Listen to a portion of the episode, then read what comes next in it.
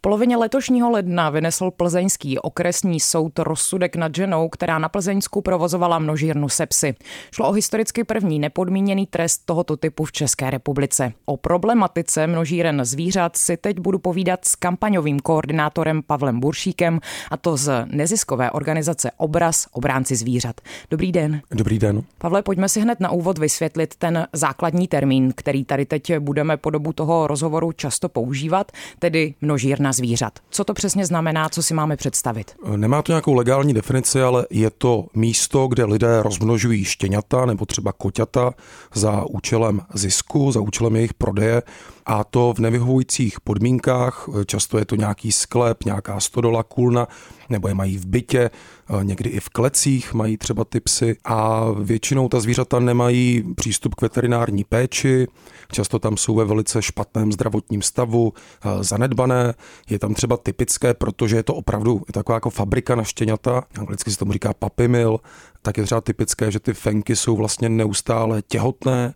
To první těhotenství mají třeba příliš brzy a pak vlastně celý ten život už se nedostanou někdy z toho koloběhu toho vyčerpávajícího těhotenství. Často je tam třeba i příbuzenské křížení mezi těmi psy a e, potom lidé, kteří si vlastně naivně koupí třeba takové štěně tím, že prostě si zadají do vyhledávače, že chtějí koupit třeba psa nějakého módního plemene, tak potom zjistí, že ti psy jsou třeba velmi nemocní a hned vyžadují třeba nákladnou veterinární péči nebo jim přímo uhynou. Zmínili jsme ty zákazníky. Co vede ty zákazníky do té množírny? Je to třeba primárně ta cena? Já si myslím, že ne, protože když si vezmeme tu nejlepší alternativu, a to je teda adopce psa z útulku nebo z podobného zařízení, tak tam je to takřka zadarmo, případně se platí nějaký adopční poplatek. Oproti tomu ti lidé, kteří mají ty množírny, vědí, proč to dělají. Dělají to kvůli tomu zisku, nedělají to samozřejmě například z lásky ke zvířatům, takže za ta módní plemena si klidně účtují vysoké tisíce až tisíce korun. Je to spíše neznalost, nějaká, nějaká možná pohodlnost a samozřejmě ti zákazníci tu množírnu nevidí. On jim ten množitel, když si domluví nějaké předání toho psa, tak on jim většinou nabídne nějakou jakoby neutrální půdu, že se potkají někde na parkovišti v nákupáku, na benzínce, rychle jim předá psa, vezme si peníze a, mm, a už ani třeba nebudou moc kontaktovat. Víme, jak rozšířený je to u nás v České republice problém? Jak častá je to ještě dnes problematika? No, Česku se dlouho přezdívalo množírna Evropy, protože vlastně to nebylo jenom pro ten jakoby český trh, ale i se takhle ti psi vyváželi někam do zahraničí. V posledních letech nastaly určité legislativní změny, například je tam teďka přísnější ohlašovací povinnost, zvýšily se tresty za um, chov zvířat na vyhovujících podmínkách, respektive takový trestný čin byl vůbec uh, zaveden. Na druhou stranu pro ty množírny je často i typické, že to podnikání je vlastně zcela načerno a tedy vlastně jako obchází vůbec uh, nějakou regulaci. Když se podíváme za hranice, je problematika množíren rozšířená i tam, v jiných státech světa? Do určité míry ano, jak už jsem říkal, v tom tady u nás v Česku to bylo eh, ještě, ještě horší.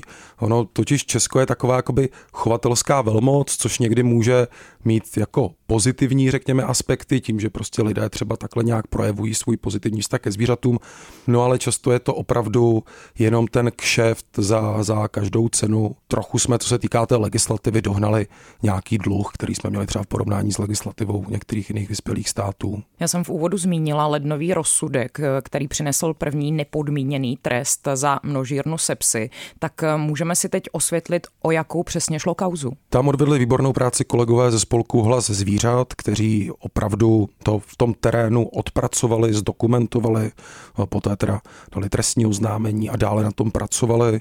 Ta kauza byla opravdu obzvláště drsná, ta množírna tam byla více než pět let. V okamžiku, kdy tam teda došlo k té policejní prohlídce, tak tam bylo více než 100 psů, ale samozřejmě za ty roky jich tam bylo mnohem víc, protože to je jakoby vysoko obrátkové jo, ta továrna na ty štěňata. Na těch pozemcích ale i třeba v mrazácích a na různých místech našli velké množství psích mrtvol, protože ta úmrtnost je tam ohromná vzhledem k těm špatným podmínkám. A na tomhle případu je poměrně unikátní, že bohužel v Česku, byť na papíře ty zákony třeba k ohledně týrání zvířat nejsou vždycky špatné, tak ta vymahatelnost pokulhávala.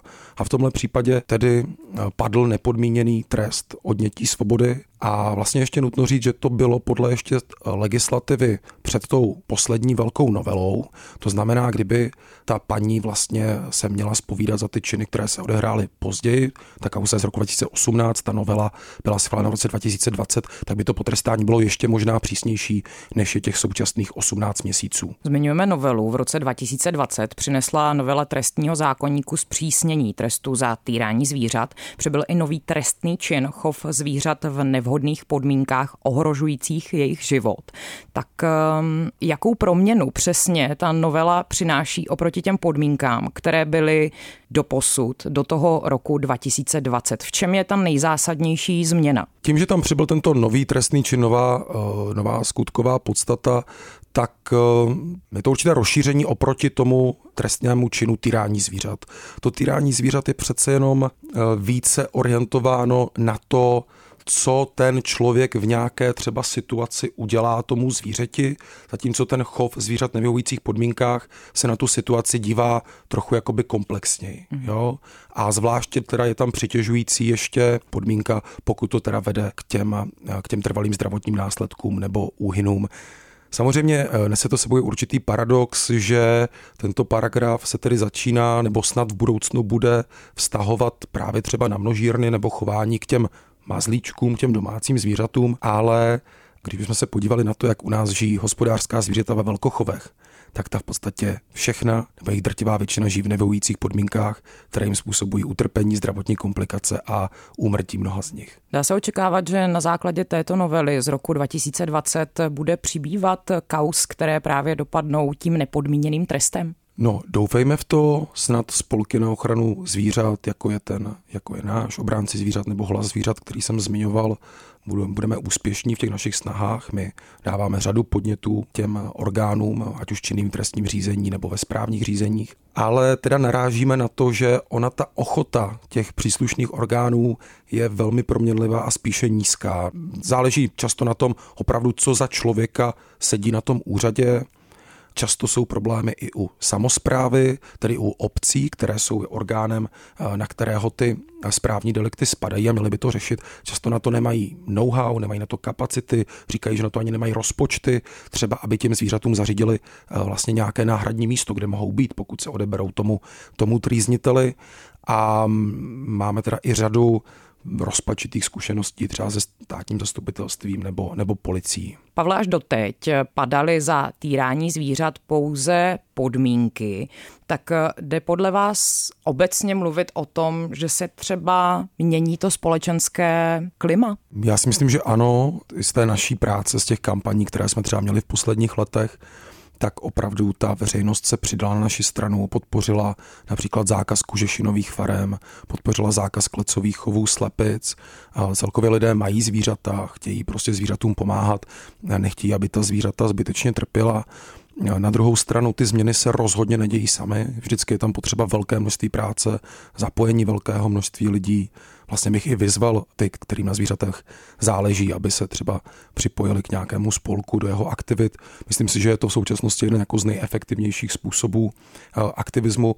No ale na druhé straně jsou opravdu velmi silné zájmy, které se snaží udržovat nějaký ten status quo a samozřejmě celkově v tom chovu zvířat, ať už můžou to být ty množírny, ale ještě řádově větší je chov hospodářských zvířat ve velkochovech, tak jsou tam veliké ekonomické zájmy, které prostupují napříč i prostě politikou. A je to velmi těžký soupeř to velmi těžký soupeř. Zmiňujete ta hospodářská zvířata, tak eh, dá se mluvit, nebo vidíte nějakou tu analogii v tom, co se děje v chovu hospodářských zvířat a co se děje během eh, právě těch eh, množíren? Velký problém je, že spousta toho, co se těm zvířatům děje, tak lidé nevidí. Je to samozřejmě otázka i těch množíren, kde tu problematiku hodně posunuly různé investigace, a my také pracujeme s různými investigativními záběry, které jsou pořizované ať už v množírnách nebo ve velkochovech. Například v současnosti se věnujeme vůbec nejchovanějším zvířatům v České republice, což jsou kuřata, kuřata chovaná na maso. Těch se v Česku ročně tady vylíhne, odchová během pěti týdnů a, a zabije 140 milionů ročně. A ta jsou, drtivá většina z nich, to jsou rychle rostoucí kuřata, to znamená, že rostou o 400% rychleji, než rostly ještě před 50 lety. Jejich prsa jsou o dvě třetiny větší, než bývaly, prostě proto, že řada lidí si chce kupovat prsní řízky a je to tedy jako lukrativnější maso než eh, ty jiné části. Žijí v extrémně stísněném prostoru, špinavém prostoru, bez přístupu denního světla, v prostoru plném čpavku z výkalů, z kterého až mají popáleniny. Takže možná naše mise je z velké míry v tom, vzít ten soucit a to, jak lidé prostě vnímají ta zvířata, s kterými třeba žijí, nebo která jsou možná i rostomilejší pro ty lidi a vztáhnout to trochu šířej, aby jsme se i k těm zvířatům, tak říkajíc hospodářským, chovali o něco slušněji. My se k těm projektům, kterým se věnujete, budeme věnovat ještě posléze později. Já se vrátím ještě na moment k té podobě české legislativy. Vidíte tam stále nějaké mezery? Byla ta novela z roku 2020 dostačující nebo nikoliv? No mezery tam jsou ohromné, dokonce bych spíš řekl, že to je velká mezera s několika světlými místy a e, když se třeba podíváme na zákon na ochranu zvířat proti týrání, což je tedy klíčový zákon, klíčová legislativa, tak on je to spíš seznam toho, co těm zvířatům ještě pořád děláme. Protože tam vlastně na začátku jsou nějaké úvodní principy a pak se dá říct, že to je mnoha desítek stránkový seznam výjimek. Celkově to, jak jsou nastavené ty minimální standardy pro ty chovy zvířat, tak je to velice slabé. A co je možná ještě skandálnější je, za co jsou u nás vypláceny dotace, to znamená z kapes nás všech daňových poplatníků.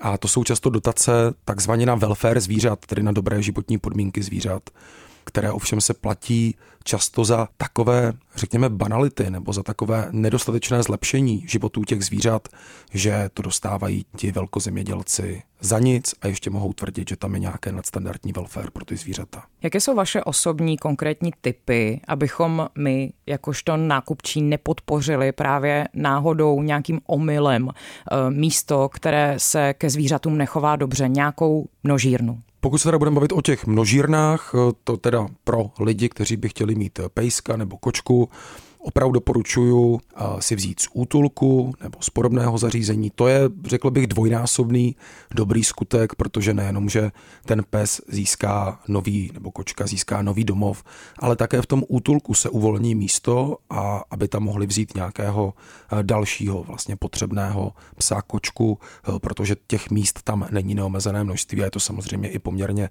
nákladné tam ta zvířata mít. V těch útulcích nejsou žádná zvířata jakoby druhé kategorie nebo nějaká použitá nebo rozbitá nebo něco takového. To jsou jako úžasná plnohodnotná zvířata a je to nesmírně pestré, jaká zvířata tam jsou. Takže tam vlastně i každý může vybrat, ať už řekněme podle velikosti nebo, nebo třeba podle povahy toho, toho zvířete. To je rozhodně lepší, než podpořit nějakou množírnu. Pavle, teď jsem zmínila, že jste z neziskové organizace Obraz, obránci zvířat. Tak na čem teď aktuálně pracujete? Naše, naše hlavní největší aktuální kampaň se jmenuje Rychlokuřata. Všechny informace a možnost zapojit se jsou na webu rychlokuřata.cz. Ta se věnuje, já už jsem to trochu načal, právě problematice těch kuřat chovaných na maso. Říká se jim tak eh, brojleři, takovým tím technickým, tím technickým termínem. A to jsou zvířata za prvé, která se u nás chovají v úplně největších počtech asi 140 milionů ročně.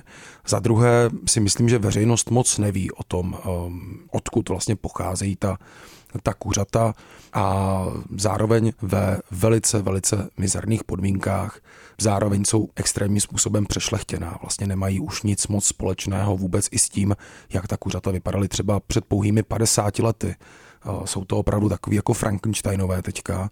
A vůbec vlastně používání těchto plemen je samo o sobě jakoby nehumánní a neetické, protože uh, oni se hroutí třeba pod váhou vlastního těla. Ona jim ta svalovina naroste do takového extrémního rozměru, že vlastně ty jejich kosti, ty jejich nohy to neunesou. Nezapomeňme, že to jsou vlastně všechno mláďata. Ten jejich životní cyklus, řekněme, je pouze pětitýdenní. Oni potom ve velkých počtech hynou a mají popáleniny z té špinavé podestilky plné výkalů a mají řadu zlomenin. A my teďka hlavně teda cílíme na supermarkety a další odběratele kuřecího masa, aby se zavázali, že vlastně během několika let chtějí přejít na pomalej rostoucí kuřata, tedy na kuřata, která jsou blíže tomu, jak to bylo dříve, jak je to, řekněme, dá se říct přirozeněji a není to takový jako šílený koloběh přešlechtěného utrpení. A jak to zatím vypadá? Máme závazky od některých firm, restaurací, od některých lokálních řetězců obchodů. S dalšími jednáme, přicházíme s novými kampaňovými nápady, taktikami a tak, jak jsme zvyklí, když se do nějakého tématu zakousneme, jako byly třeba dříve kožešinové farmy nebo klecové chovy slepic, tak to téma jen tak nepustíme, takže, takže nepochybuji o tom, že i v tomhle tématu uspějeme.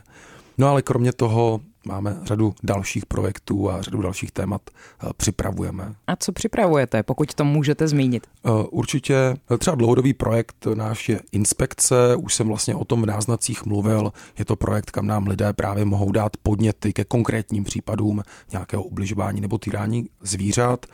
A co se týká nějakých systémových problematik, tak se věnujeme například zabíjení kohoutků ve vaječném průmyslu. To znamená to, že vlastně každá slepice má mrtvého brášku, protože těch slepic a kohoutků se líhne podobně jako u lidí vlastně 50 na 50. Ale ti kohoutci pochopitelně nesnáší vejce. Zároveň to nejsou ta přešlechtěná třeba rychlokuřata, takže pro ně nejsou zajímaví pro ty chovatele ani z hlediska chovu na maso. Takže oni je vlastně během několika hodin po tom vylíhnutí hnedka zabijí.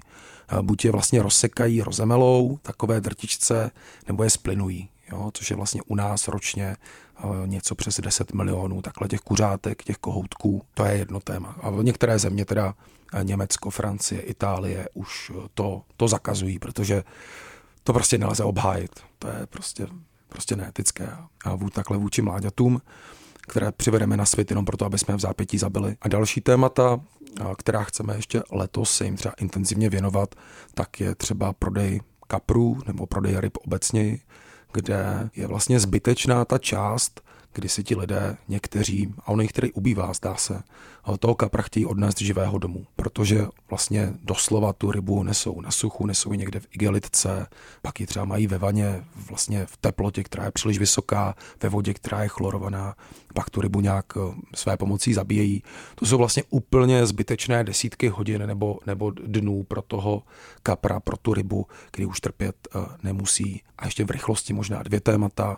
Uh, téma mezinárodní přepravy zvířat. Uh, chtěli bychom, aby byla zakázána vývoz živých zvířat mimo Evropskou unii protože například české krávy a další zvířata se vozí až třeba do Iráku nebo do Kazachstánu a dalších vzdálených lokací celé dny na korbě eh, nákladáků, ve vedru nebo v mrazech. Je to jako velice kruté, velice, velice nehumální. Promiňte, ale za jakým účelem se tam vozí ta zvířata živá takto? No někdy je to proto, že ti jako zákazníci třeba i v těch muslimských zemích eh, chtějí ta zvířata eh, živá, aby si je porazili jako po svém, což může být nějaká rituální porážka, nebo to může být třeba při, při příležitosti nějakého svátku nebo něco podobného ale samozřejmě má to zřejmou alternativu. Ta zvířata porazit co nejhumánnějším způsobem blízko místu, kde byla chována, kde žila a potom teda pravděpodobně zmražené, vyvážet eh, to maso a